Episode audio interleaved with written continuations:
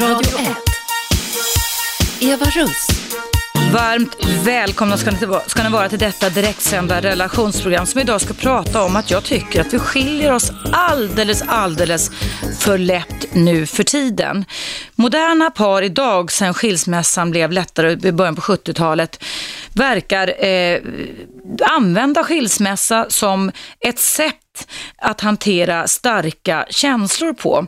Vi människor har ju fortfarande inom oss lite komplicerat system inne i hjärnan där den gamla reptilhjärnan och alarmhjärnan ska försöka samsas och förstå med den nya tillväxten som vi fick genom evolutionen, pannloben, frontalloberna som gjorde att vi skulle bli smartare. Men det leder inte alltid till att vi blir det. För varför är det så många människor som ständigt lägger benen på ryggen och springer när man möter motgångar i livet? Var har vi fått det ifrån? Att eh, en kärleksrelation, ett äktenskap, en samborelation, en särborelation också för den delen, alltid till 300 procent ska upplevas exakt så uppåttjack, adrenalin, F, eh, noref, eh, noradrenalin, endorfin, oxytocinladdad, alltså som en, som en drogcocktail som man kunna säga, som det faktiskt är för väldigt många par när man ser in i varandras ögon den dagen ni och du blev kära med varandra. Men så fort som det infinner sig andra typer av känslor hos oss människor så verkar det som att vi får panik, vi drabbas av panik och lägger benen på ryggen och springer. Vad anser du om det? Håller du med mig eller inte? Vad har du för erfarenheter av det här? Idag ska vi debattera detta. Ring in till mig. Numret är som vanligt 0200 11 12 13. 0200 11 12 13. Och det här ämnet kommer sig av att jag igår publicerade en eh, debattartikel på Aftonbladet. Idag så bör den ligga på aftonbladet.se där jag själv föreslog som ett tankeexperiment att vi kanske skulle börja fundera i andra banor för att se om vi skulle kunna hitta nya sätt att relatera till varandra på. För det är ju faktiskt så att en anledning till, även om det var nu religioner och sådana saker som kom in när vi började prata om äktenskap, det handlade både om mark och sådana saker, men det handlade framför allt om skyddet om ungarna, skydden om avkomman.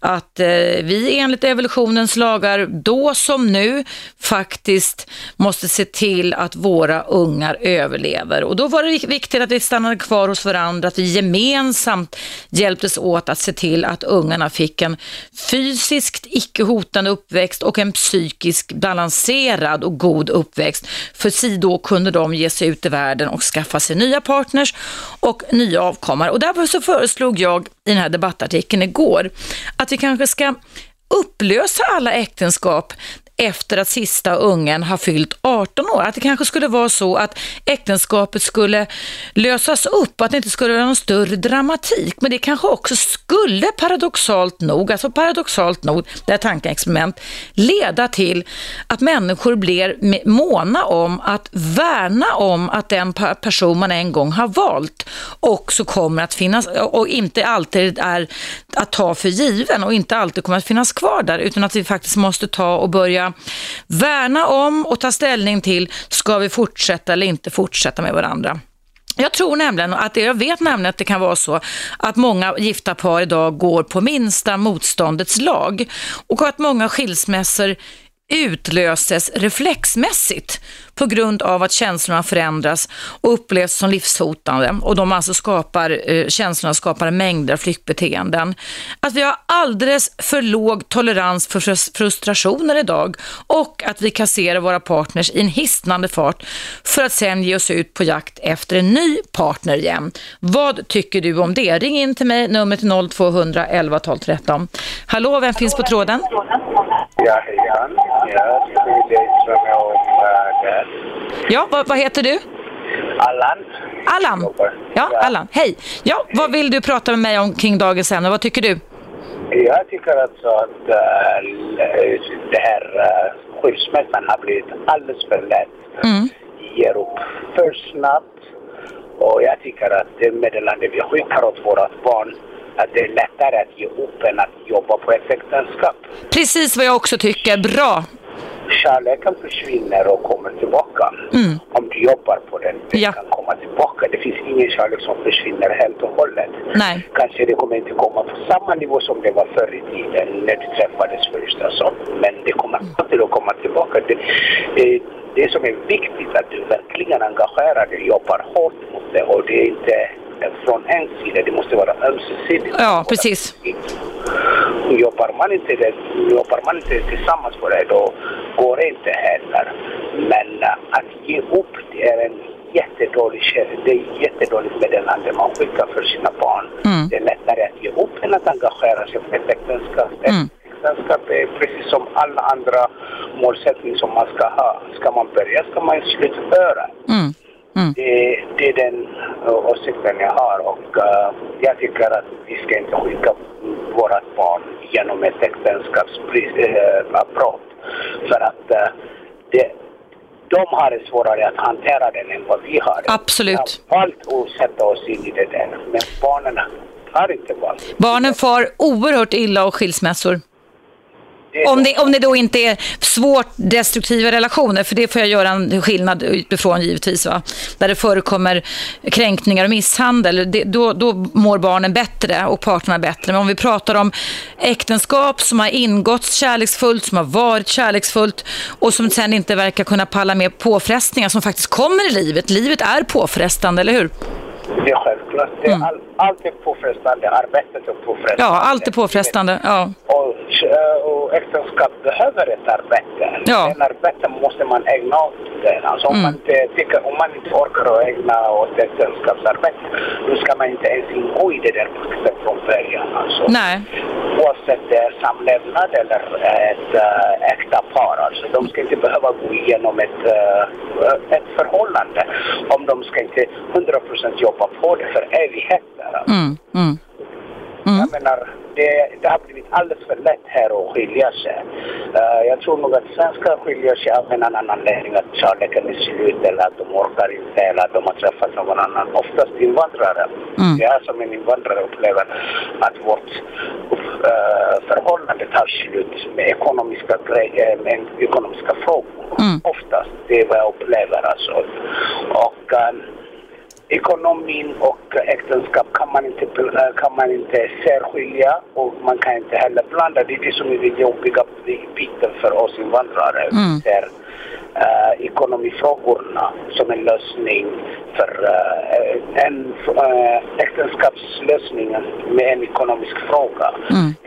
Det måste man, man måste kunna hitta ett sätt att få en terapi för att vi har inte samma uh, uh, skill- uh, äktenskapsskillnadsanledning oftast. Jag vet inte varför det är men det jag upplever att uh, så fort det blir något ekonomiskt frågor Mm. då blir det snabbt äktenskapslösning i många invandrarfamiljer. Ja, ja. Och, och föräldrarna oftast kommer från en sån här familj där de har levt, deras föräldrar har levt evigheter tillsammans.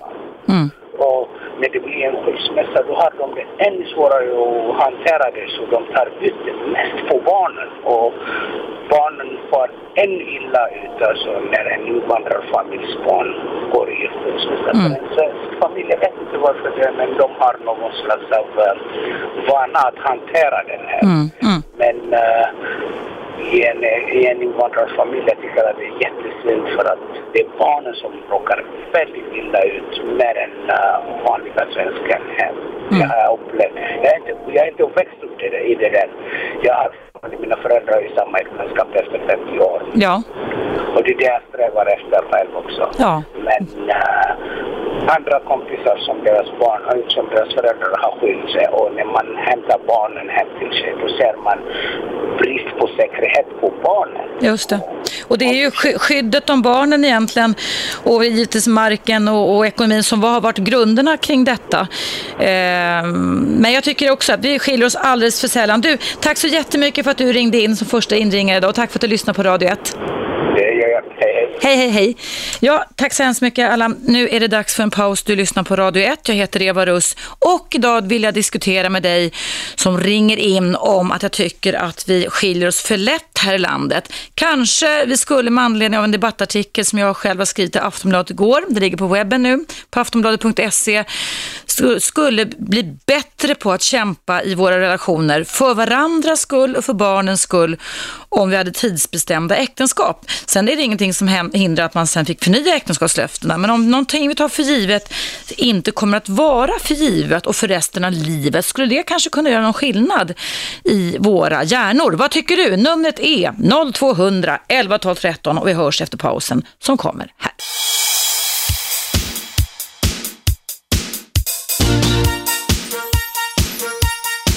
Radio 1. Eva Russ. Varmt välkomna tillbaka. Jag tycker att vi skiljer oss för lättvindigt här i Sverige idag. Eh, jag tycker att vi kanske skulle leka med tanken åtminstone om vi skulle ha tidsbestämda äktenskap så att människor fick eh, kämpa lite för att behålla sin partner istället för att springa ifrån sin partner.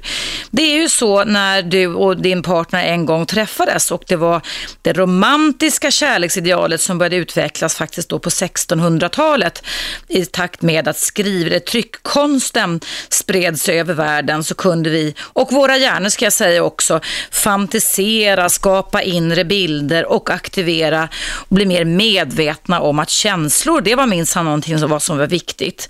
Men någonstans så upplever jag det som att vi idag, vi pratar 2012, tycker att känslor är så extremt viktiga och att vi tror på alla de känslor vi ibland gör så att vi ibland drabbas av fullständig relation relationspanik. Så fort som någonting inte känns bra i våra relationer så lägger vi benen på ryggen och springer.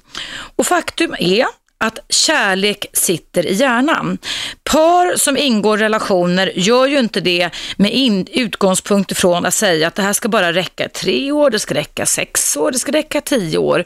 Utan jag skulle vilja säga att alla par som finner varandra och det finns kärlek med har en längtan och en ambition och en intention att det ska räcka för evigt. Det är en styrmekanism inom oss att relatera till andra människor och det finns också belägg för att vi mår bättre, vi lever längre och, och har allmänt bättre hälsa när vi lever i en parrelation. Vad som händer när vi så lätt löser upp dem, ja det är precis som Allan som ringde här innan pausen, nämligen den att vi blir experter på att ge upp. Vi formar beteenden som sen våra, nästa generation och våra barn tar efter, nämligen den att när någonting inte känns bra, då ger vi upp.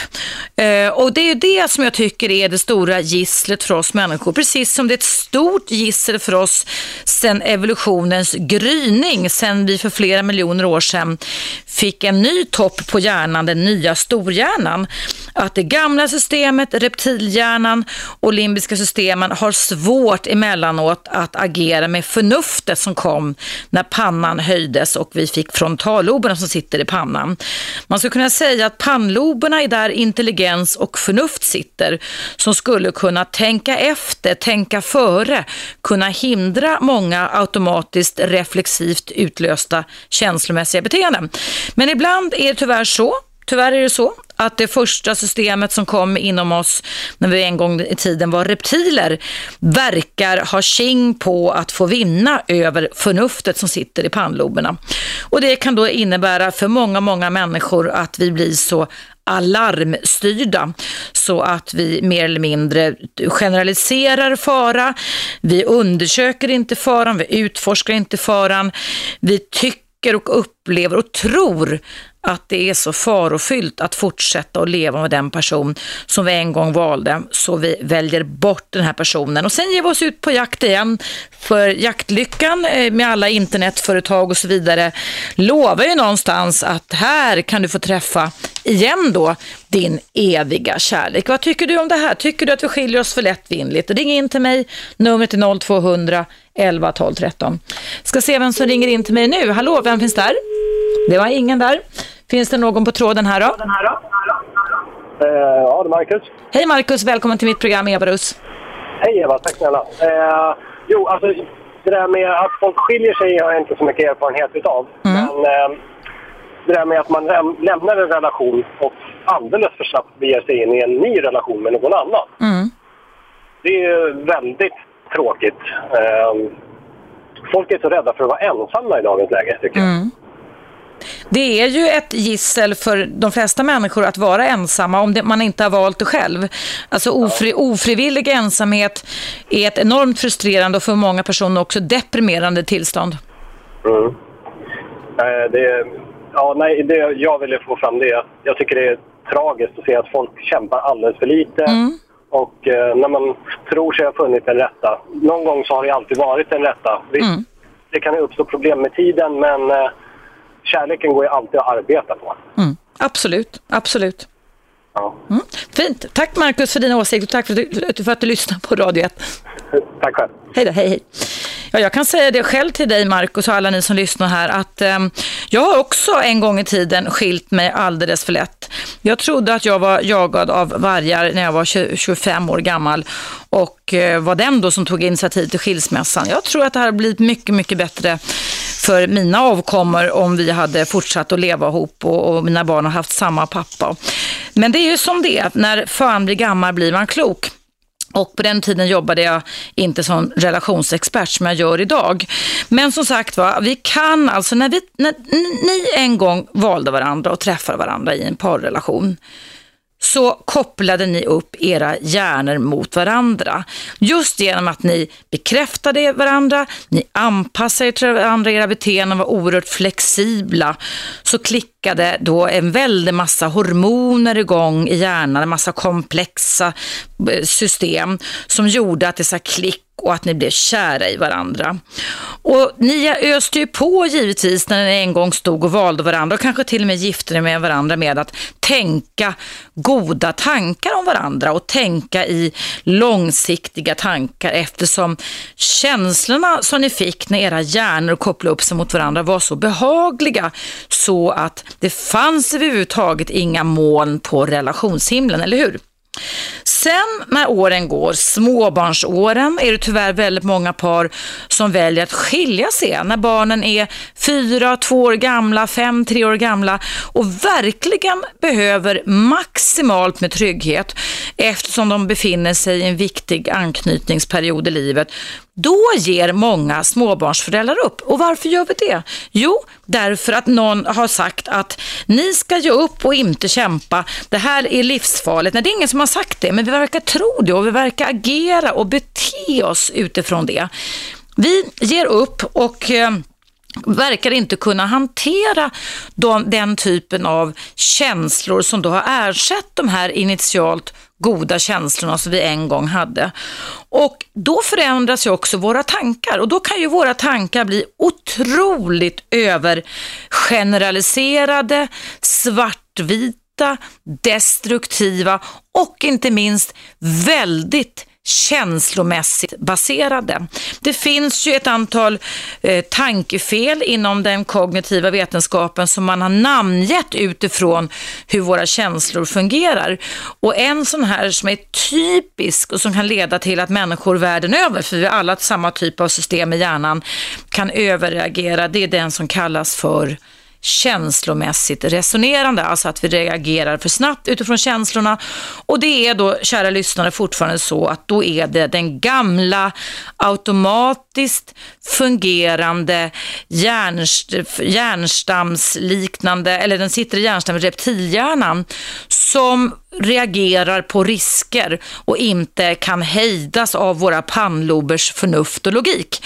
Och jag tror att, och jag vet utifrån alla de utbildningar och eh, eh, konferenser jag har varit på här under sommaren, och under hösten, att det finns otroligt mycket evidens idag som talar för Tänk dig det här, tänk dig att moderna par som känner, alltså känslomässigt känner att de inte kan leva ihop längre under förutsättning då att det inte är en destruktiv relation, för då ska man inte leva tillsammans. Men om man har haft det bra tillsammans och sen så infinner sig andra känslor. Om paret i fråga, kanske till och med istället för att tala med en terapeut, båda fick lära sig mindfulness, alltså meditationstekniker, mindfulness-tekniker. Vad tror du skulle hända då? Jo, jag kan berätta vad jag vet skulle hända då.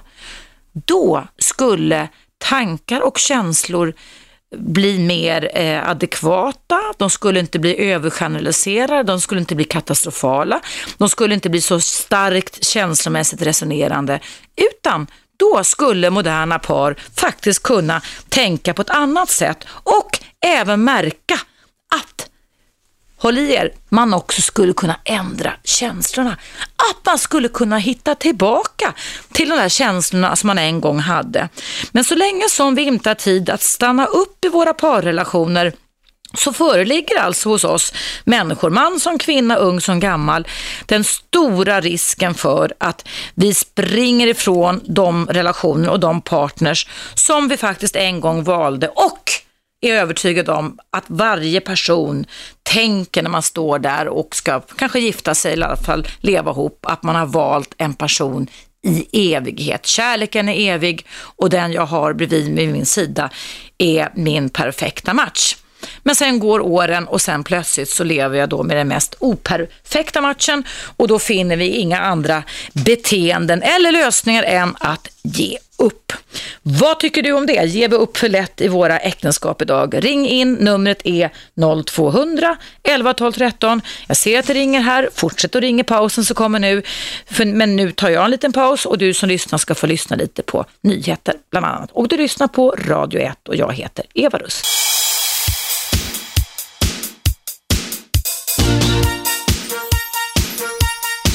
Radio 1. Eva Russ. Välkomna tillbaka. Jag tycker att vi skiljer oss för lätt i våra moderna relationer idag. Vi ger upp alldeles för lätt. Vi borde kämpa mer. Vad tycker du om det? Ring in 0200 11 12 13 och säg vad du tycker. Jag ska först höra med Micke. Det var väldigt många som ringde. Vi pratar med Micke först. Hallå Micke. Hej, hej. Välkommen. Ja, tack så mycket. Jo, att man skiljer sig för lätt. Men det här med att du sa att den perfekta partnern. Det finns, finns ingen som är egentligen perfekt. Men många säger att ja, nu har jag hittat min perfekta partner, min livskamrat, allting, redan de första veckorna de träffas. Mm. Hur vet de då att det är en perfekt bara för att de känns så himla bra? Nej, det är ju hjärnan som kopplar upp sig. Det, är ett, det blir ju ett uppåttjack det här för att vara bekräftad och då ide, idealiserar och projicerar vi väldigt mycket och tillskriver varandra oerhört mycket egenskaper som man kanske inte alltid finner sen. Ja, precis. Mm. Men eh, hur lång tid tar det innan man i så fall inser att det är en ja, perfekt för en egen skull? Alltså perfekt Ja, alltså man brukar säga ungefär sådär att det kan ta ungefär som när man är nyanställd på ett jobb. Att det kan ta sex till nio månader innan man liksom har lärt känna varandra ordentligt och kan fatta beslutet. Ska jag gå vidare eller inte? Och Alltså fördjupa relationen eller avsluta den. Och definiera då perfekt, är det att man, som många säger, perfekt mm. att man aldrig bråkar. Men Alla Nej, nej, nej, man bråkar i äktenskap. Per, nej, men det, det är mer att vi människor upplever att när vi väl har gjort ett partnerval så upplever ju vi då när vi säger att vi ska gå vidare med den här relationen, fördjupa den, bo ihop, leva ihop, kanske skaffa barn och allt det här. Då tve, tvekar ju inte vi på, vi säger ju inte att jag hittat en, per, en partner som är perfekt till 50 procent, eller hur? Nej. Utan vi, tänk, vi, vi tänker oss det, men sen blir det ett svartvitt tänkande när många par idag utsätts för stress och prövningar av olika slag. Och plötsligt så dissar vi våra partners på löpande band och det är därför att våra tankar och känslor har förändrats, men partner kanske inte har förändrats så mycket egentligen. Mm. Så tänkte Ja, jag. ja. Ja. Okej. Okej, tack Micke. Ja, tack mycket. Hej, hej, hej. Hej. Nu ska vi höra vad Gösta tycker. Hallå Gösta. Nej men, oj, vad har hänt nu då? Hallå, vem finns på tråden? Ja, det var jag. Jag blev bortkopplad. Du blev bort. Va, vilken tur att du kom tillbaka igen då. Jag ber om ursäkt. Det kanske möjligtvis var jag som råkade trycka på fel knapp. Sånt händer. Vi, vi, börjar bli, vi, vi programledare här börjar bli lite slitna det här sista veckan innan jullovet. Du vet, då börjar liksom till och med automatiken att glappa lite. Ska, ska du ha tips? ja.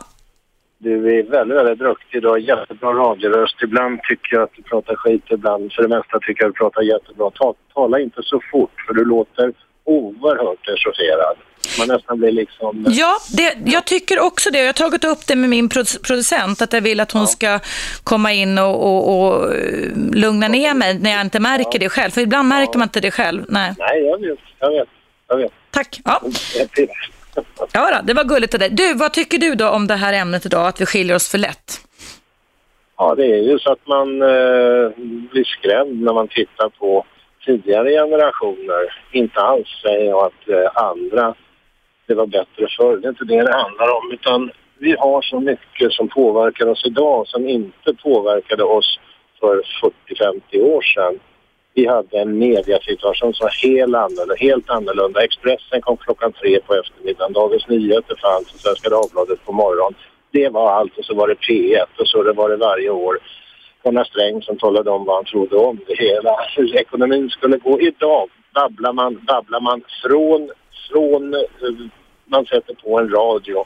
Semantik, det är någonting som radiopratare har inte har en aning om. Semantik betyder ordens betydelse. Mm. Du frågar en, en radiopratare, vad sa du för tre minuter sedan? Det kan vara en viktig grej. Om du, om du tar Fylking eller Aschberg, de har ingen aning om vad de har sagt. Det är alltså en monolog. De, den här semantiken har inte trängt igenom hos dem. För att komma fram till vad du frågade om. Vi skiljer oss för lätt. Ja, för vi tror, vi är så osäkra. Själv har jag varit gift i 38 år, har tre underbara barn och fyra barnbarn. Alla friska, de har klarat sig, de har arbetat, de är duktiga. Men jag tror att vi så att säga måste ha, och det har du en mission att göra, hur ska man skydda sig mot all skit som kommer i media? Det är nästan så att man kanske bör införa någon slags ny eh, diagnos. Jag tänker på hjärnstress, finns väl, men inte som en specifik diagnos. För det är väl det som händer, att vi blir så överbelamrade som du beskriver i Gösta, av input, av stimuli hela tiden, så att vi nästan håller på att bli galna. Och då lägger vi benen på ryggen och springer. Vi, vi blir osäkra som du säger, vi vet inte, ska vi kämpa eller fly, eller vad ska vi göra för någonting? Mm. Ja, men titta på hur en datamaskin fungerar. Du har ett cashminne, du har ett långtidsminne. Vårt cashminne det fylls, fylls på ungefär en halvtimme. Sen ska det där gå över i, läggas över på natten i C-minnet. Mm. Och det är bara kaos i hjärnan. Mm. Det är bara kaos i hjärnan. Mm. Så man tog det lite, lite, lite lugn, lugnare. Och framförallt, det finns många, gått så många sådana här kurser när jag chef. Får jag fråga dig en sak Gösta? Eh, förlåt, avbröt jag dig nu eller? Ingen fara. Du, eh, vad har ert knep varit då? För det är ju jättespännande i och med att ni, du och din fru har levt så länge tillsammans, 38 år. Eh, vad har, hur har ni gjort då när känslorna inte har varit så där ideala som det kanske var då första, första åren och så vidare? Hur har ni hanterat det? Om man delar upp det där om de här 38 åren i 1, 2, 3 så var de första åren de vi skaffade barn, sen Mm. de första 15 åren. Sen kom lite glädje i det här. Ja, glädje var glädje att skaffa barn, Mm. så. Och då var det andra värderingar som gällde i familjen och där var, tyckte jag kanske många gånger på ett sätt och min hustru tyckte på ett annat sätt. Och, och, och ibland uttryckte jag mig jävla och så sa jag mera och så gick jag. Mm. Och det var den bästa medicinen för att sen komma tillbaka efter kanske några timmar och ja, det var bara ut på tomten eller någonting. Så Mm. kopp kaffe och puss och kram och så säga förlåt. Det Mm. finns ett ord som eh, är underbart som man använder för sakta. Förlåt mig. Mm. Och man ska mena det. Jag ska aldrig göra, eh, jag ska aldrig göra om det här någon mera. Det, och sen då det tredje på, på om vi befinner oss i fas tre då, då, då börjar det bli ännu roligare när småttingarna, små barnbarn kommer. Just det. Och det är många som säger att ja men det är så bra man kan lämna dem tillbaka och så vidare. Det handlar inte om det utan det handlar om att kunna titta väldigt roligt. Hur gjorde jag med mina pojkar Mm. och min dotter? Hur uppfostrade jag dem? Gör de på samma sätt och de får ett lika bra resultat hittills, kanske bättre. Mm. Det är väl svar på, det är svar på din fråga. Förlåt, vad sa du Gösta? Jo, om det är svar på din fråga, så har jag hanterat Ja, ja, det. Så har ja. vi hanterat det. är inte tänkt i, i flykttermer annat än att man kan tycka olika, man kan bli förbannade och man ber om förlåtelse. Och då ändras ju känslorna. Känslor kommer och känslor går, eller hur? Och efter sen så har du ju tårarna som ibland kommer för när man upptäcker att fy fan, ja, fy fan vad dum jag var. Mm. Och jag menar förr i tiden när jag var då chef för ett bolag så då, då kunde man, eh, jag åkte väldigt mycket, väldigt mycket och då eh, var ju det lite grann en stund och timmar och dagar till eftertanke för att sen komma hem och det första man gör så att säga. Det fick man också lära sig om eh, Klaus Möller hade någonting som heter Time Manager på Mm. för 35 år sedan. fick man lära sig att sättet man tar i dörren när man kommer hem, Mm. Det hör andra parten. Ska det bli krig ikväll eller ska det vi ha det ganska skönt? Det var en intressant nyhet, det kände jag faktiskt inte till. Ja. Likadant när du kommer in till din fru eller om det är tvärtom då, att frun kommer hem till sin man.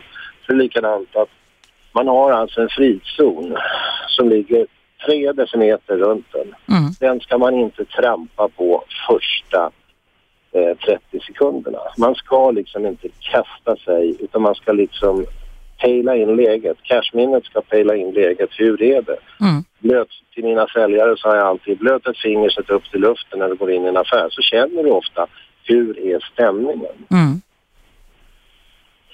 Så det är något som jag har lärt mig och levt efter och det har ju funkat ganska bra. Härligt.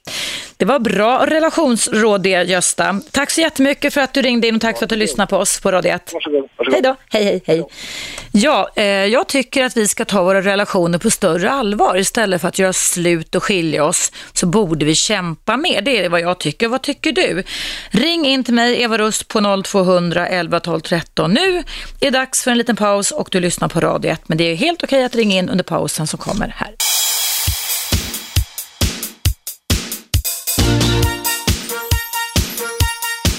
Radio 1.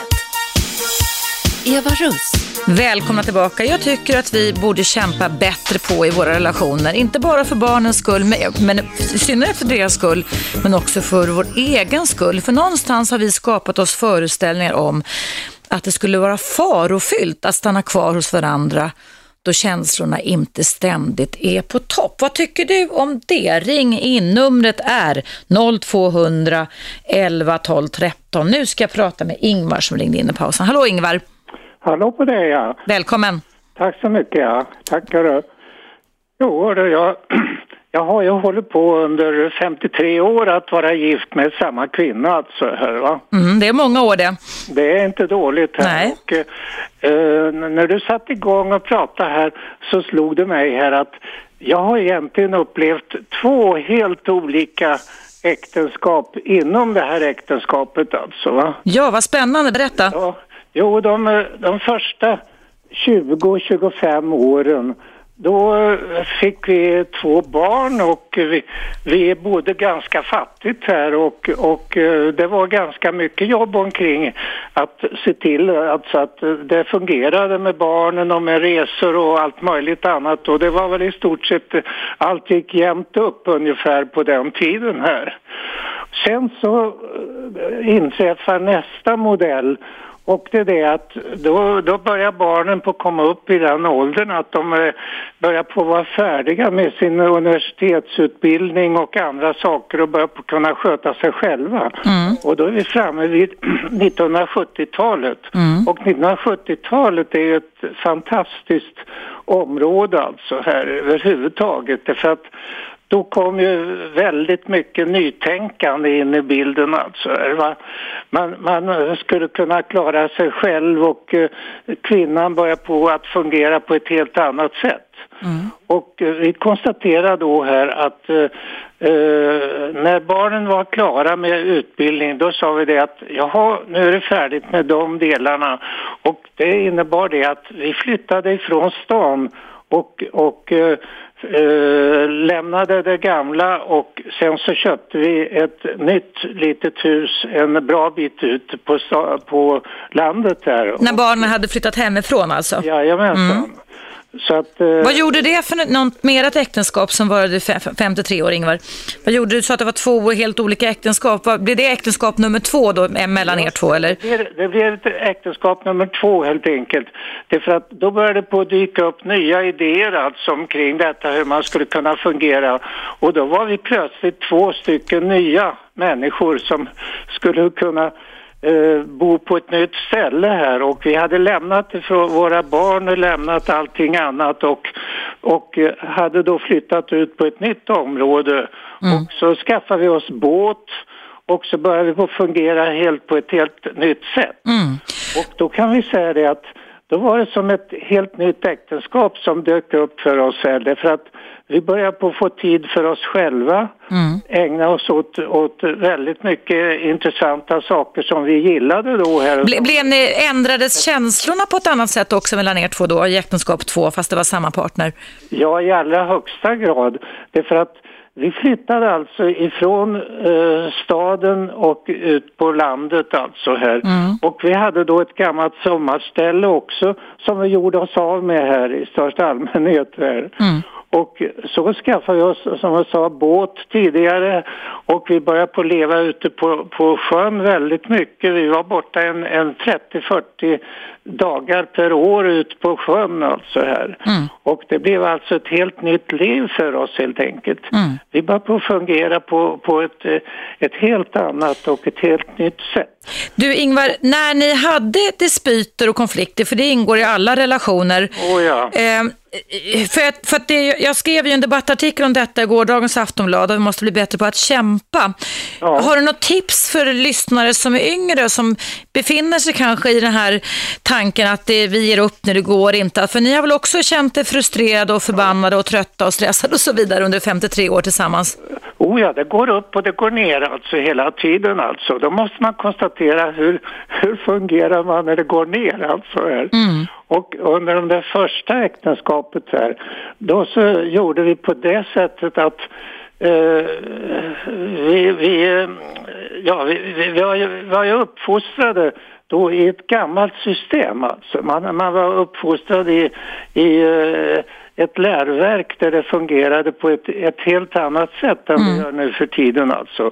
Och det innebar helt enkelt att under den första perioden så måste vi se till att allt skulle kunna fungera. Och vad vi gjorde då det var ju det att om, om det uppstod o, eh, o, eh, system när vi inte gillade det vi tyckte alltså där, ja då så höll vi tyst ett tag till dess att vi, vi så småningom inte orkade med att vara tysta längre utan ville prata omkring detta här. Och det inträffade faktiskt ett antal gånger här under den perioden alltså. Här? Men det lät, lät, lå- låter lite mindfulness tycker jag lite Ingvar, att ni alltså inte började eh, gå på känslor och sen att säga ord som skapades utifrån känslorna utan att ni istället lugnade ner er lite, bidade er tid och sen började ta upp konstruktiva samtal. Jo, det är, det är exakt riktigt. Men, men det innebar faktiskt det att vi var ju ibland eh, osams flera dagar och kanske veckor i taget här. Det var inte så ofta som det inträffade men allt emellanåt fungerade på det sättet. Och det märkliga det är alltså att detta hade jag ju lärt mig tidigare i de skolor och sånt som jag hade varit på tidigare helt enkelt. Så att det var alltså ett sätt som vi använde under den där första perioden helt enkelt. Men i andra perioden i ert äktenskap med samma partner, Ja. för ni levde 53 år ihop Ingvar, var, var det mindre sådana konflikter då, då när ungarna väl hade växt upp och var utflugna och ni var ute med båten och så? Ja visst, därför att när vi flyttade ifrån från det stället som vi hade då till ett nytt, då så kom det att eh, innebära en helt nytändning helt enkelt för oss. Vi, vi, var, vi kände oss unga på helt på ett helt nytt Vad sätt. härligt, alltså, vad härligt. fungerade igen på, på, på ett alldeles nytt sätt. Så jag vill alltså påstå att det, det är två äktenskap inom det samma äktenskapet som vi åstadkom på det sättet. Vilken, vilket bra exempel och vilket tydligt exempel Ingvar. Jag hoppas att många av våra yngre lyssnare tar in det som du beskriver, för det ger ju hopp om. Men, men det är, vad, vad du säger nu, det är ju det att om vi lär oss på ett sätt att det bara är att ge upp så kommer vi fortsätta att lära våra generationer det. Men om vi lär oss att hålla ut lite mer så kan vi så till exempel lyssna på dig då som berättar om att man kan ha två olika äktenskap inom samma äktenskap och att känslor kommer tillbaka och kan bli på ett annat sätt så kanske inte vi skulle vara så känslostyrda och bara springa iväg och ge upp så lätt. Nej, det, det är alltså fantastiskt. Våra barn de sa det, ja men ni är ju två helt nya människor alltså. Som vi inte, vi känner inte igen er riktigt här i, i det nya äktenskapet därför att vi fungerade då på ett annat sätt alltså. Vi var helt nyförälskade och, och eh, fungerade på ett, ett nytt fint sätt alltså i detta sam- sammanhang. Och det var ju egentligen det som jag sa, 1970-talet är ju väldigt, väldigt viktigt i de här sammanhangen därför att då ändrar sig ju synen på allting egentligen. Ja, här, va? det var även då som skilsmässa, eller inte skilsmässa, men det blev lättare att skiljas. Ja visst, oh ja. Och då var, det, då var vi två, två nya parter alltså helt Mm. enkelt. Förut så var det, var det ett, eh, ett annat sorts äktenskap. Mm. Men du Ingvar, avslutningsvis till yngre lyssnare här nu, efter, eftersom ni var gifta med varandra 53 år tills din hustru gick bort tyvärr då för 10 år sedan drygt. Men du, vad, om du skulle sammanfatta det lite till våra lyssnare, vad är vitsen, eller vad uppfattar du att vitsen och vinsten var att ha samma partner i så många år? Ja, vi, vi, eh, det, det positiva med detta det var ju det att man, man lärde känna varann ganska mycket här. Men, men sen tycker vi alltså att det, det väldigt nya som inträffade det var ju att det kom in ett nytt tänkande. Ett, ett helt nytt tänkande i, i systemet hur man skulle kunna fungera alltså. Därför att vi upptäckte ju då alltså att plötsligt så började då ett antal människor på att skilja sig och sånt där i största allmänhet. Och vi levde som sagt ett annat liv helt enkelt med detta. Det är det som, som jag tycker är det väldigt viktiga i det här Ni, sammanhanget. ni gjorde verkligen det Ingvar som vi människor faktiskt skapade för, nämligen att anpassa oss och öva med, eh, hitta flexibla beteenden. Det är exakt det du säger. Alltså här, va?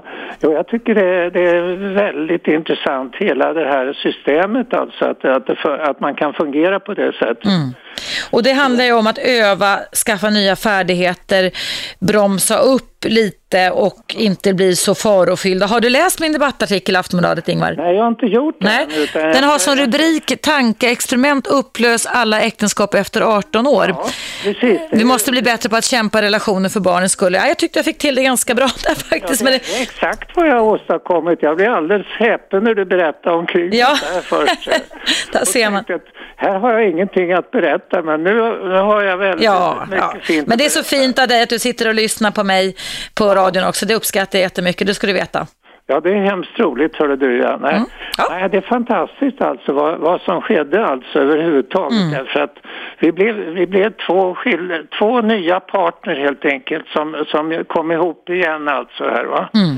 Fantastiskt. och- Väldigt bra, väldigt bra och bildigt beskrivet äktenskap. Du Ingvar, vi måste avrunda lite nu för jag ska trycka på knappen för nyheter här på Radio 1. Jag förstår det. Tack så jättemycket för att du ringde in och ha en bra dag. Tack ska du ha ja. Hej då, hej, hej, hej. Ja, kära lyssnare, vad tycker du? Ska vi automatiskt upplösa våra äktenskap när sista ungen har blivit myndig? Ska vi eh, börja lära oss att kämpa, lära oss att känslor kommer, känslor går, inte bli så flyktbenägna i våra parrelationer. Vad tycker du? Ring in om din åsikt till mig, Eva Russ, här på Radio 1. Och numret är som vanligt, även när det är paus som kommer nu, 0200 11 12 13.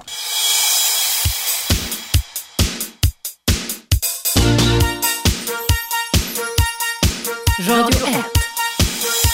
Eva Russ. Välkomna tillbaka. Varje år slutar cirka 20 000 äktenskap med skilsmässa och under 2011 så hade hälften av alla som skilde sig varit gifta i högst åtta år. Jag tycker att vi måste bli bättre på att kämpa på i våra relationer för barnens skull och för vår egen skull. Separationer är ett gissel för människor. Vi mår inte bra av att separera eftersom vi i vår kropp och själ är programmerade för att relatera och inte tappa taget. Hallå Marie, Hej, hej. välkommen till mitt program. Ja, tack ska du ha. Säg vad du tycker om detta ämne. Ja, alltså min tanke är väl, precis som din egentligen, många och allt för många ger upp allt för tidigt. Mm. Ehm, tryggheten som många års relation skänker är ovärderlig. Eh, då menar inte jag att man behöver gå i en vardag som ska vara grå och mossig och, och som en torr eller blöt filt över oss, utan alltså den vardag där många års erfarenhet skänker stabilitet. Mm. Passion i all ära, det är underbart. Det, det hoppas jag att de allra flesta har fått uppleva i sina relationer i början. Men där finns det också en osäkerhet. Vad kommer den här passionen leda? Kommer vi tycka likadant? Kommer han värdera våra relation lika högt som jag? Kommer det bli bestående? Mm. Och den dagen som det faktiskt visar sig att ja, vi har värderat det likadant. Nu lever vi i en vardag. Uppskatta den. Det är det som är livet. Mm. Sen ska man inte finna sig i vad skit som helst. Nej, nej, nej, nej, nej. Inte så. Mm. Men, men eh, man ska inte bagatellisera eh, stora förändringar i, i relationen, men man ska heller inte förstora upp skitsaker. Mm. Vardag är vardag och värdera den högt. Det är trygghet. Det är trygghet och det är faktiskt det som, trygghet och säkerhet är faktiskt det som vi sedan urminnes tider har letat efter. Mm. Och sen när vi väl får det så verkar vi inte kunna uppskatta det. Jag håller helt med dig om det Marie. Nej, och så det, man måste liksom, det är en definitionsfråga. Vad är det vi letar och varför? Vad har vi för motiv i vår relation? Mm. Att leva i ständig passion. Du kommer bli ständigt besviken. Det, det finns inte, men vi tror det någonstans, eller hur? Vi har Ja, blivit eh, passionsnarkomaner snart. Vi tror det eftersom vi ser i alla tidningar och alla medier att det bara ska vara, kännas, kännas bra precis hela tiden. Ja, bekräftelsetorskar. Bekräftelsetorska var ett bra ord också. Ja, du ser. Det, det är alltså något brutalt, men det är väldigt härligt att sätta ro på tillvaron. Alltså jag, vi har, jag har levt i en relation i snart 28 år. Oj. Mm. Och eh, ja, det har väl inte ständigt varit medvind, det är inte så. Nej. Men vad är alternativet?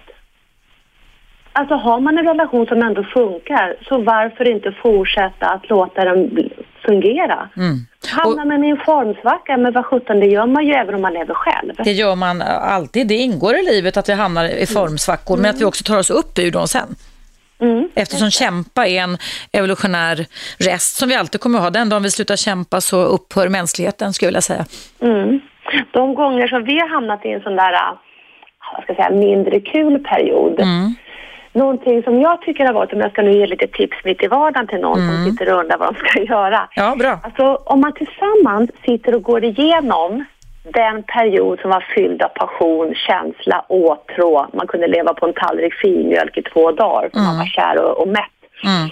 Eh, prata, prata tillsammans igen över det. Mm. Hur var det? Vad tyckte du? Men hörru, vad tänkte du då? Även om man har gått igenom det hundra gånger. Mm. I sinnet hamnar man tillbaka i passionens eh, minnesbank. Du kommer att kunna återuppleva känslor som fanns där då om du bara väljer att i minnet förflytta dig dit. Just det, för vi kan förflytta oss väldigt mycket med hjälp av den nya hjärnans konstruktioner och det påverkar våra känslor också.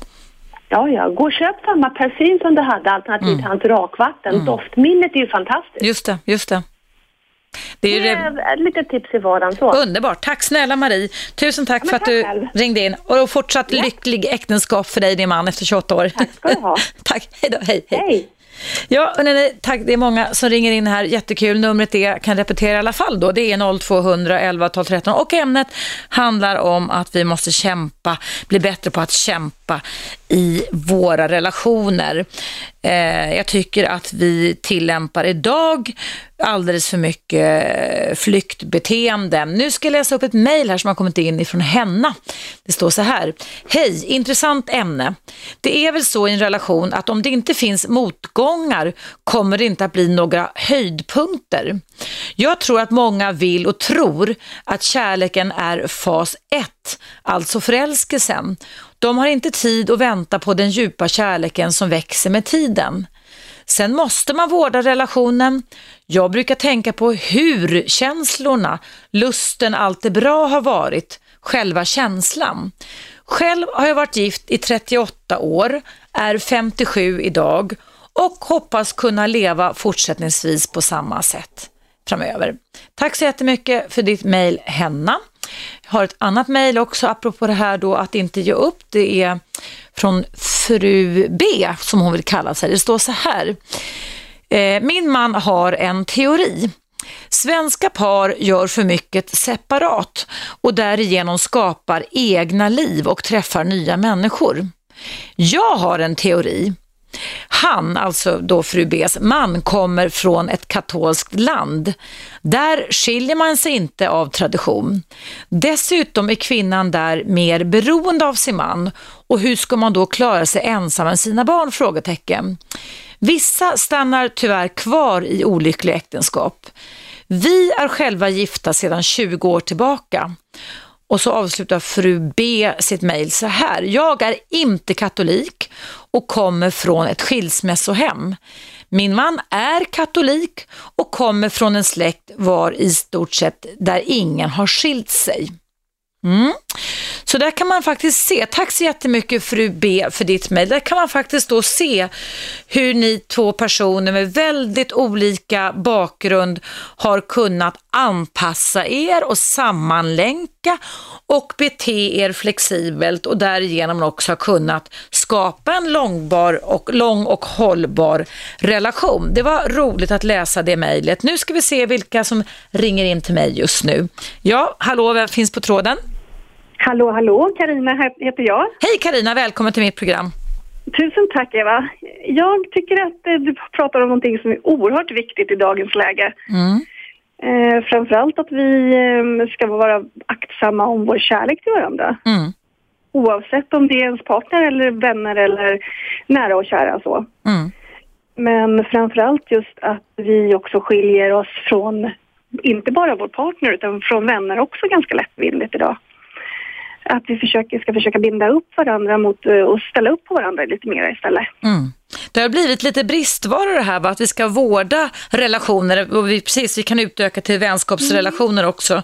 Att vi bara ska omsätta nya, va? alltså ge oss ut ja. på jakt varenda dag liksom nästan. I hopp om att vi ska fit, hitta den ultimata liksom, perfekta matchen, både i vänskap och i relation förstås. Ja, och så att man, att man ska omge sig med så många som möjligt på något mm. sätt, istället för att värna om de som man faktiskt har nära sig. Mm. Och sen så tänker jag också så här att, att man vågar kanske hitta passion och kärlek på andra sätt än liksom genom den här stormande förälskelsen och sådär, utan man hittar passion och kärlek genom att uppskatta vad man gör i vardagen mm. eller att man hittar utmaningar eller ja, de där små sakerna som kan göra att man faktiskt känner den här lyckan i sig mm, mm. och glädjen. Och vi kan styra våra känslor väldigt, väldigt mycket mer än vad vi tror. Det finns en del känslor som är ofrivilliga, som är baskänslor som fanns när vi föddes en gång i tiden. Men alla schatteringar på känslor som har med förälskelse att göra och frustration att göra, de kan vi påverka väldigt mycket själva faktiskt. Precis som du säger. Mm. Jag tänker bara på nu när man har suttit och tittat på Musikhjälpen till exempel. Mm helt fantastiskt liksom hur människor ställer upp och hur barn kommer liksom med egna idéer om hur man ska hjälpa de här barnen som inte har rent vatten och så.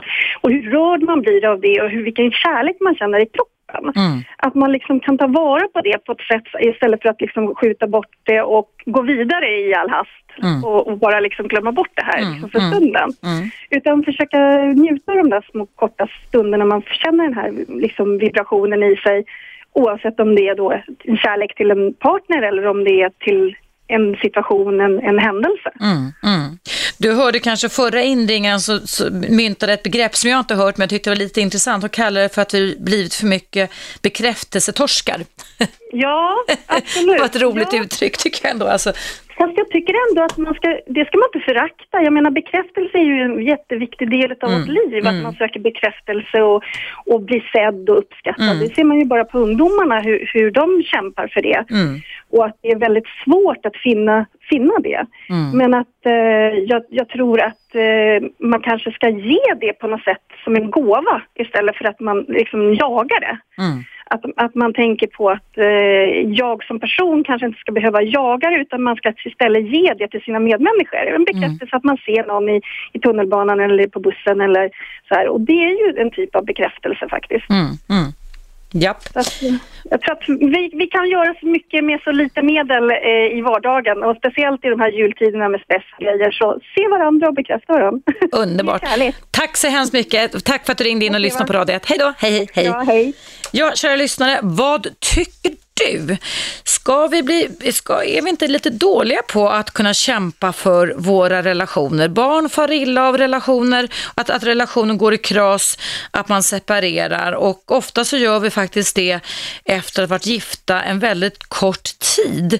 Vad är det som gör att vi så kapitalt kan förändra tankar och känslor om en partner? Och nu pratar jag inte om eh, psykopatrelationer, destruktiva relationer så, utan människor som under flera år har valt varandra på kärleksmässiga och romantiska grunder och sen som plötsligt känner att de måste bort ifrån varandra, springa som galningar åt olika håll och sen börja investera i nya partners igen. Jag är övertygad om att de här beteendena som vi moderna människor håller på med är inte bra. Jag tror att det här är en, en slags upplösningsfas vi befinner oss i för eh, mänskligheten. Det är separationer tär på krafterna.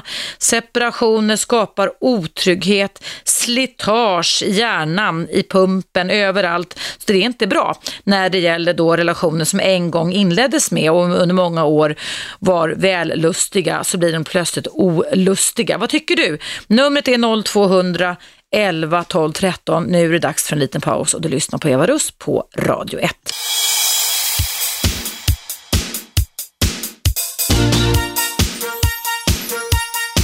Radio 1. Eva Russ. Välkomna tillbaka ska ni vara. Eh, jag är aktuell med en debattartikel i Aftonbladet i papperstidningen igår. Den ligger nu som nummer tre om man går in på aftonbladet.se där jag uppmanar till eftertanke om att vi kanske borde bli lite mer förnuftiga och mindre känslostyrda eftersom det är ett bekymmer det här att det är ett gissel för oss moderna par att vi skiljer oss för snabbt och för ofta. Och då pratar jag alltså inte om djupt destruktiva relationer, för då skulle man ju helst önska att man inte ens hade träffat varandra, men då gäller det givetvis för både barnens och för partners skull att det är livsnödvändigt att man går skilda vägar. Men när det handlar om eh, par som alltså har, har dålig motståndskraft anser jag, att hantera de förändringar som kommer med ett liv tillsammans och som faktiskt ingår i livet, så tycker jag, och skriver det i min debattartikel, att vi borde träna oss i att noggrannare tänka igenom våra relationer och ta dem på större allvar. Att inte bara fly och göra slut och skilja oss så fort som vi inte känner maximal njutning tillsammans. Vad tycker du om detta? Ring in, numret är 0200 11 12 13 0200 11 12 13 och Eh, jag säger också detta utifrån dels mina egna relationserfarenheter. Eh, jag har själv tidigare skilt mig för snabbt. Det är någonting jag, jag sover gott om natten men jag kan ångra mig för det. Jag tycker att det var onödigt när jag skilde mig första gången. Jag hade gott kunnat stanna kvar, nu var det länge sedan, det är 28 år sedan, men jag kunde gott ha stannat kvar hos den partnern. Idag är vi goda vänner och eh, han är morfar och jag är mormor till våra två små barnbarn. Onödigt onödigt, det hade varit mycket bättre för alla parter om vi hade hållit ihop. Det var också min första stora kärlek. Men det var rädsla, det var min alarmhjärna som jag är övertygad om att det är hos många människor som kidnappade förnuftshjärnan. Pannloberna blev utslagna till förmån för skräcken och rädslan när jag var 25 år ung. Jag kunde inte överblicka, jag gick igång precis som om jag skulle varit jagad på savannen och tog min dotter och drog Eh, jättedumt, jätteonödigt.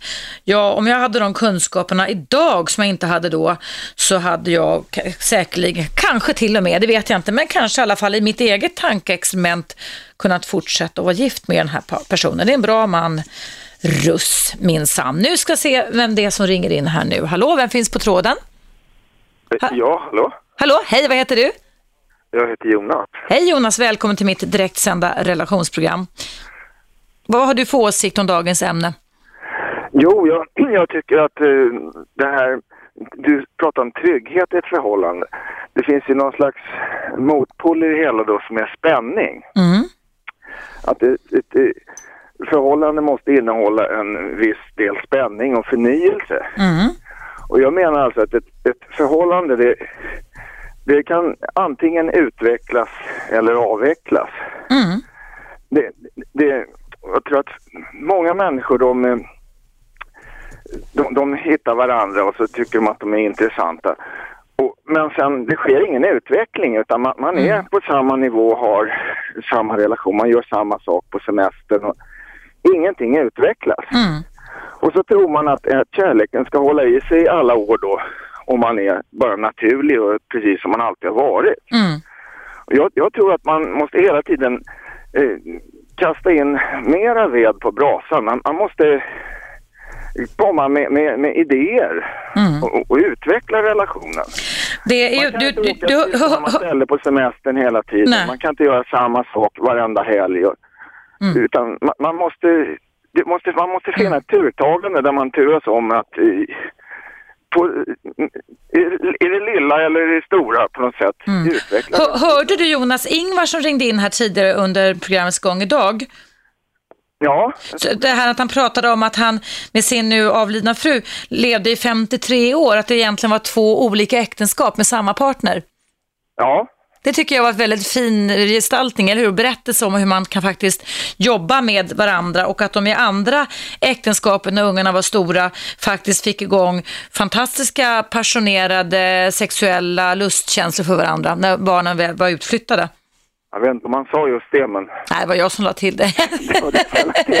Ja, Jag såg det framför mig. Att, nej, men att, han beskrev ju att de blev som kära varandra på nytt, va? Det var så. Ja, jo nej, jag kan absolut fylla i på det. Jag menar ju detsamma också. Men ett problem med det här hela, det, det togs ju upp om media. Eh, och det är att eh, jag tror att många människor tittar på andra människor hur de Mm. lever. Mm. Och så på något sätt så- så blir det... eh, det ena, den ena relationen blir lik den andra och man vågar inte utveckla sin egen personlighet. Nej. Och många på något sätt, eh, de, man, man har någon slags repertoar Mm. som person.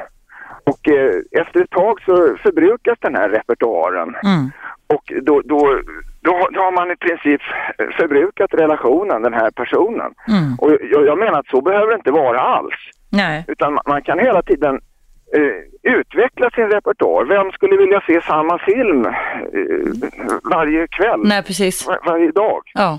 Det, det är ju att, mycket relationer handlar om att, att utvecklas tillsammans. Mm. Och att, att, man, eh, eh, att man har den insikten att man måste göra det. Att man inte tror att åh, jag är en sån här person och det ta mig eller lämna mig, jag är så här. Och Precis, det, det är väldigt statiskt, väldigt statiskt tänkande, eller hur? Alltså det, Ja. Jag, jag tror inte att någon gillar mig som jag är i alla tider utan mitt sätt att göra mig populär det är att jag kommer med nya idéer och infallsvinklar. Mm. Det är därför som jag blir uppskattad. exakt, exakt. Och, och många tror att de blir uppskattade för att de är på samma sätt som de alltid varit. Mm. Det, det är klart det måste finnas en viss grundtrygghet men det måste, måste också finnas en, en viss eh, spänning. Mm. Någonting som gör att en person är, är intressant. Att det inte är precis samma visa varenda dag. Varenda dag, precis. Omväxling och flexibilitet, men omväxling inom den befintliga relationen istället för att skaffa sig omväxling med att ständigt jaga nya partners som man är missnöjd med den gamla. Ja, för det, man kommer ju snabbt in i samma visa. Ja. Man förbrukar ju nästa repertoar då. Ja, gräset är inte all, alltid grönare faktiskt på utanför. Men sen så finns det ju då i Sverige ganska eh, starka, ja, vad, vad som är konventionellt sätt att leva på, hur, hur man får Mm. göra. Det, det kanske är så att man kanske ska sträcka på de gränserna ibland. Att det, man behöver inte göra precis som alla eh, umgås precis som alla som det är liksom accepterat att man gör. Man kanske kan ha andra Mm. andra relationer till folk. Man, man behöver liksom inte eh, leva strikt eh, svenskt kulturellt med, med eh, eh, fira jul och allting. Man, man Mm. kanske, det är kanske andra saker som man tycker är, är trevligare. Mm. Mm. Som, som kan göra relationen mer intressant. Att våga tänka annorlunda, våga bete oss annorlunda, om jag ska sammanfatta vad du säger Jonas, eller hur? Ja, det, Mm. det skulle jag mena. Mm, bra. Du, jag måste ta en liten paus här nu på radio. Tack så jättemycket för dina kloka och väl genomtänkta argument. Jag tror att det bidrar bra till många människor som lyssnar just nu kring Ja, vad som är... vi får väl se. Ja, hoppas det blir så. Tack snälla för att du ringde in. Tack för att du Ja, för lyssnar. Hej, hej. Prata. Hej. Ja, kära lyssnare, det är dags för nyheter. Du lyssnar på Radio 1. Jag heter Eva Russ och ämnet handlar om att vi måste bli bättre på att bevara och kämpa för våra vuxna parrelationer.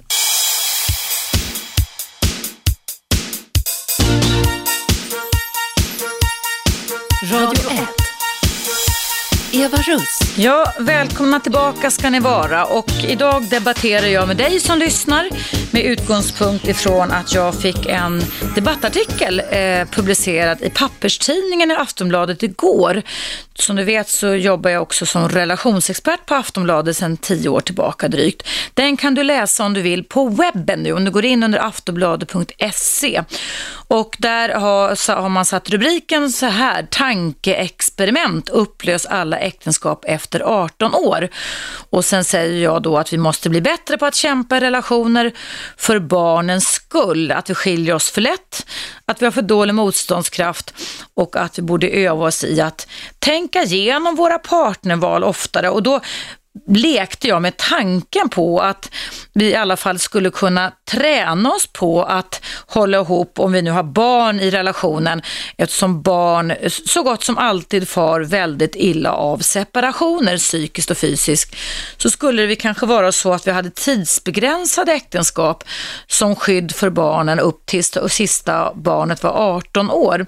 Och då liksom upplöstes relationen sen. Vi kanske skulle bli mer, eh, alltså paradoxalt nog mer måna om varandra om vi visste att någonting som vi ganska tidigt och ofta och mycket har för givet plötsligt bara liksom skulle rinna ut i sanden. Så det var mer en tankeexperiment kring det här. Eh, vi kanske skulle öva oss i att, eller tvingas öva oss i att förändra våra tankar och beteenden och öva oss i att vårda och utveckla våra relationer genom att bli mer uppmärksamma på de risker som en tidsgräns skulle kunna medföra. För vad jag anser då, och vad jag vill ta upp med den här artikeln då, som du alltså kan läsa på aftonbladet.se idag, det är då den att jag tycker att det är bra sen den romantiska synen på kärlek och äktenskap har kommit in i våra liv så har känslan fått sin egen status, eller känslor fått sin egen status. Men det är ju bra märkligt att för oss moderna människor att vi då också litar på när känslor inte är sådär jättebehagliga och alltså kan generalisera, katastrofiera, tänka svartvitt och dra iväg ifrån partners som vi en gång nogsamt och noggrant valde ut och garanterat ansåg när vi väl bestämde oss för att fördjupa relationen att det här var det bästa som kunde hämta oss själva. Det här var den bästa partnern vi hade träffat.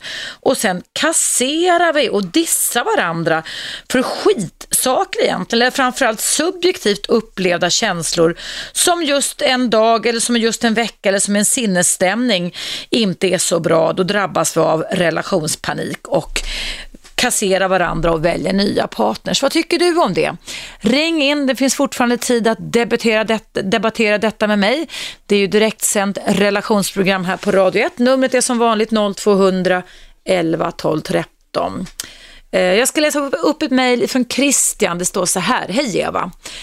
Bland oss invandrare, speciellt bland mitt folk, har vi som tradition att giftermål är ett av våra stora mål att fylla här i livet.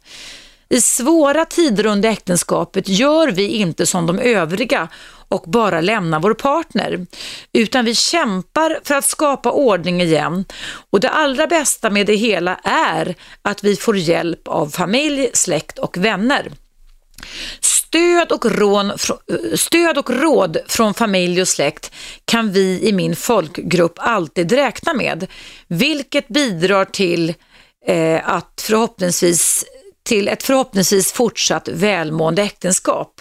Mitt tips, avslutar då Christian, är att alla borde hålla sin familj och släkt nära. Tack så mycket Christian för din åsikt och denna eh, syn eller berättande om eh, hur du i... Ja, det, däremot vet jag inte var du kommer ifrån. Det hade varit intressant att höra. Ja, nu ska vi höra vem som kan finnas på tråden här på Radio 1. Hallå, vem finns där? Hallå? Ja, tjena Nisse här då. Hej Nisse, välkommen till mitt program. Ja, tackar så mycket. Det här med det, så jag känner det många gånger i de här relationerna, det är att det, det finns liksom ingen det finns ingen så här fighting-spel, det finns ingen känsla för att kämpa för någonting. Nej. Det är, inte, det är inte bara relationer, det är hela uppväxten. Det är jobbigt att gå till sko i skolan, det är jobbigt att ha en relation, det är jobbigt att vara gift. Allting är så himla jobbigt och så ger man bara upp. Mm. Och det, det är en mentalitet som har växt fram på de sista 20 åren tycker jag. Det finns inte den här att kämpa för någonting. Nej. Man bor hemma hos mamma till man är 20-25. Det, det ska vara ett så här komfortliv i en liten bomullskartong. Mm, mm. Svag, svaga mentala människor, kanske lite emotionellt störda. Då kanske vi har, har blivit det allihopa då menar du eller? Ja, alltså nu, nu är det kanske inte riktigt 100 procent utav de som eh, har varit gifta skiljer sig heller. För det, jag kommer inte ihåg riktigt på vad de där siffrorna var procentuellt sett. Det kanske du har bättre, koll på. Vad är, Nej, alltså vad, vad jag tog upp i min artikel igår i Aftonbladet det är att, att, att vi skiljer oss, eh, alltså när vi väl har gift oss förra året i alla fall, 2011 statistik, så hade hälften av alla som skilde sig, och det är ungefär 20 000 äktenskap, det är, alltså vi skiljer oss och gifter oss lika mycket per år ungef- ungefär va. Och att man då var under två, 2011 så var vi gifta högst i åtta år. mm. Men det är också lite grann, det kan ju vara det att man gifter sig av fel anledning också. Ja, man kan välja fel partner, absolut. Alltså det, det, Jag, jag, jag, är inte fel partner. Eller man, ja, man, man kan, jo, man kan välja en partner man inte passar ihop med. Man tror att man passar ihop med. Självklart är ju så. För att man är så flexibla och anpassningsbara i början. Men, men eh, och, och, självklart ska, vill inte jag förbjuda skilsmässa, det är inte det. Men, men jag tycker att jag håller med dig om att vi blivit för lata på något sätt. Alltså. Ja, och så, men sen har man ju också, det kanske lite drastiskt att ha den här eh, 18-årsgränsen. där. Varför inte bara till 10-15 år så gör man om det där att man gifter sig igen eller att man ger den här Exakt, ja. äktenskapet igen istället för att ha det här att deadline, nu måste vi liksom Mm. För det blir väldigt mycket måsten och borden i, så det är så jag tänker att måsten och borden, det säger jag många gånger i mitt program, stryper prestationen. När vi känner jag måste, jag måste, måste. Va? Det är inget lustfyllt. Och jag tror att det är där tänket sabbar för oss moderna människor. Att vi måste, bör och sen försö- ja, anpassas våra känslor efter det. Ja, det blir prestationsångest. Man ska spela här, man det är vänner, alla de här ansiktena, rollerna man ska spela. Ja. Det, det är inte alla som klarar av att göra det. Nej, nej. Jag vet- Jag vet folk som bara kan, kan göra en sak och är det någon minsta lilla som stör deras dagliga rytm, då, då blir det alldeles frustrerande. Det kan vara frustrerande i flera dagar. Mm, mm, mm. Är du själv gift, Nisse? Inte än, snart. Snart? Nej, vad roligt. Har ni planerat ett äktenskap? Ja, Vad roligt. När ska det ske? i år. I år, snart. Det är inte så många dagar kvar på detta år. Nej, men vi, och vi har absolut inga planer på att gifta oss. Vi har bestämt oss för att vi har sagt visst, det kommer bli jobbigt, men vi har bestämt sagt, kommit överens att vi ska kämpa, vi ska hålla en kommunikation med varandra. Det är alltså, Vad roligt, vad skoj. det har gjort- det har gett oss Ty, ni har gett tusan på att ni ska kämpa tillsammans. Du, då får jag verkligen önska er all lycka till i det gemensamma livet som ni har framför er. Nu, jag hör dig knappt, jag måste sluta för det blir dags för en liten paus. Tack så jättemycket Nisse och lycka till i ert nya äktenskapliga liv som sker snart. Hej då! Ja, Nisse försvann där. Hörrni det är dags för en liten paus här på Radio 1 och jag heter Eva Russ och jag debatterar att vi måste kämpa, precis som Nisse sa, har bättre våra relationer. Vi ger upp för lätt och flyr när känslorna inte är på topp hela tiden. Vad tycker du? 0200 11 12 13.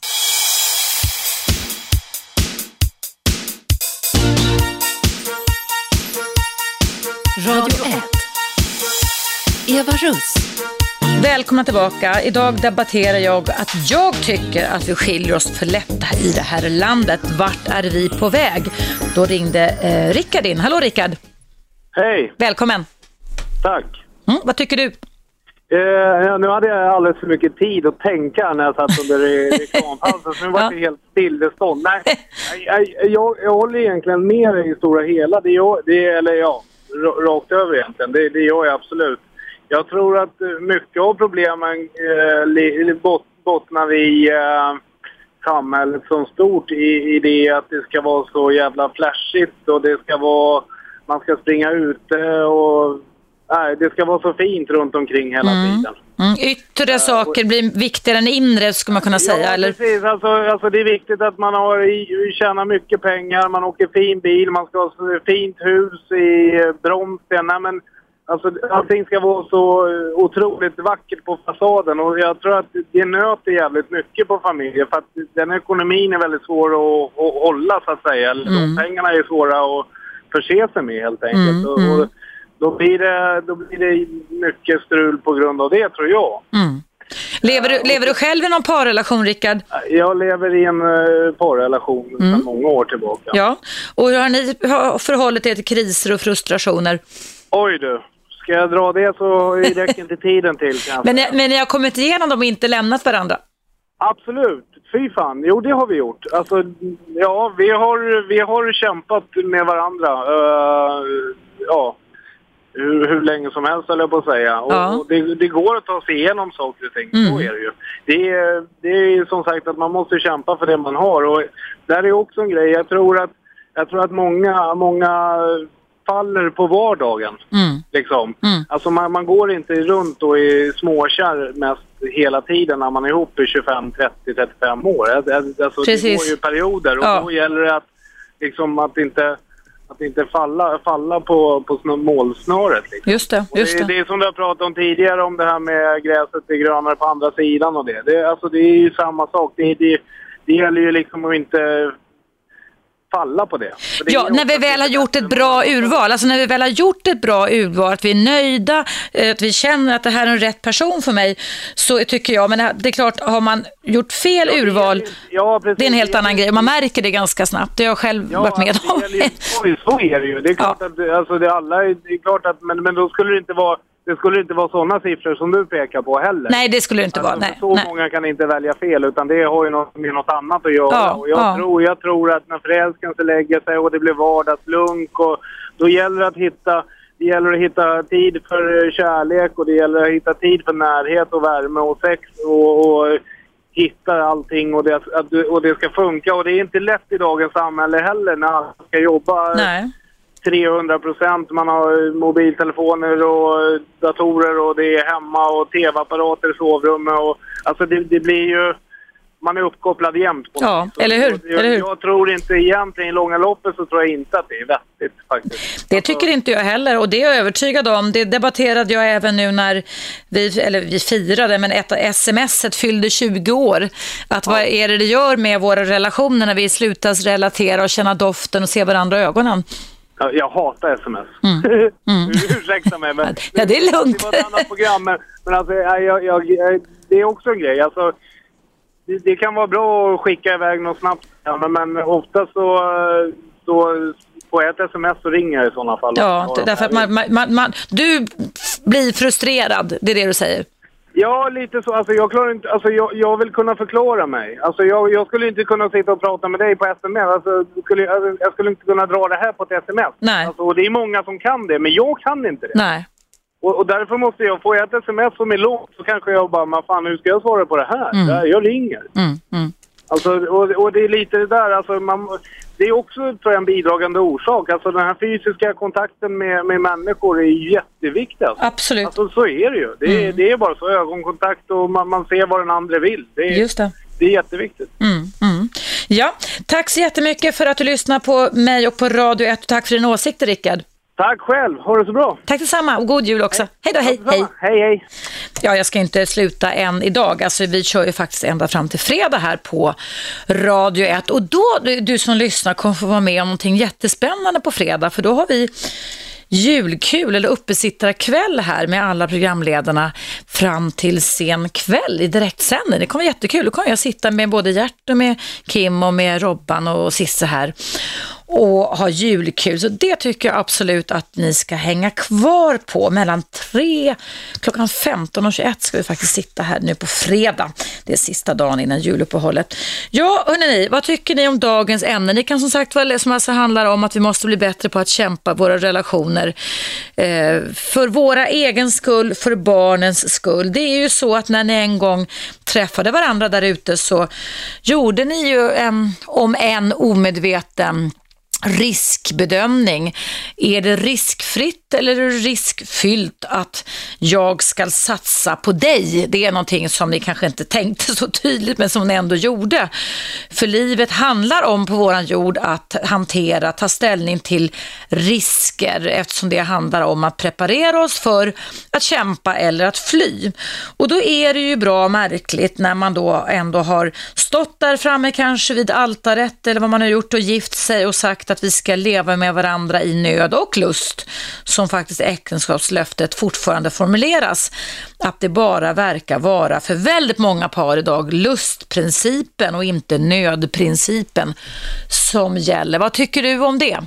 Jag ska läsa upp vad Björn i Linköping tycker om det. Han skriver så här. Hej, min tanke angående relationer är att problemet ofta är att folk inte är tillräckligt öppna och ärliga mot varandra. Känslor och relationer förändras och om man inte vågar ta upp saker och går och mår dåligt i relationen är risken att man plötsligt bara inte står ut och flyr. Som om kärleksrelationer inte funkar och man har barn kan det bästa vara att bestämma sig för att vara så bra föräldrar och vänner som möjligt. Men kanske inte ha den klassiska kärleksrelationen. Inte så att man direkt bara träffar någon annan. Det vore respektlöst mot familjen. Utan att kämpa för en stark relation till varandra och till barnen, även om den inte ser likadan ut som förr. Precis Björn, det är också så jag tänker när jag skrev den här debattartikeln att vi måste eh, förändra. Och nu har Christian, gått, som jag, vars mejl jag läste upp, svarat mig och skrivit så här. För din nyfikenhets skull kan jag tillägga att jag tillhör folkgruppen syrianer, arameer, kristna ortodoxa. Vad spännande Christian! För det var Christians mejl som jag läste upp här innan pausen om att eh, man faktiskt får hjälp av släktingar och vänner i det folkslag som ni kommer ifrån. Jag ska läsa upp ett till mejl innan jag avrundar programmet. Det är från, eh, ska vi se, nej det, jag får säga ditt namn, Ann-Marie. Hej Eva, i dagens samhälle de senaste 20 åren har vi människor fått alldeles för mycket fritid. Jag, man kan inte tro det när man vet och hör hur mycket folk lägger, lägger på sin, hur mycket folk tid lägger hur mycket tid folk lägger på sina arbeten och sina karriärer. Men detta är en fälla. Vi behöver inte längre kämpa tillsammans för att få mat på bordet, kläder till våra barn, pengar till semester och så vidare. Att kämpa för sin familj och existens gör att relationen stärks. Det ser man ju bara exempel på när människor drabbas av sorg eller förluster, sjukdomar och dylikt. Hur många gånger har man inte hört par säga då att de växte ihop, att de betyder mer och mer för varandra? Frågetecken. Sen fortsätter Ann-Marie så här. Felet många par idag gör är att de skaffar ett liv utanför familjen. Kvinnor ska självförverkliga sig, de ska ut med tjejerna själva och dansa och partaja. Fällorna är många. Jag anser inte att man ska ha jag anser inte att man ska ha varsitt liv när man är gifta och har familj, men alla ska få ha sina intressen. Men att göra saker tillsammans är mycket viktigt. Hälsningar Ann-Marie. Jag håller med dig Ann-Marie. Alltså om vi slutar att stå i förbindelse till varandra, att relatera.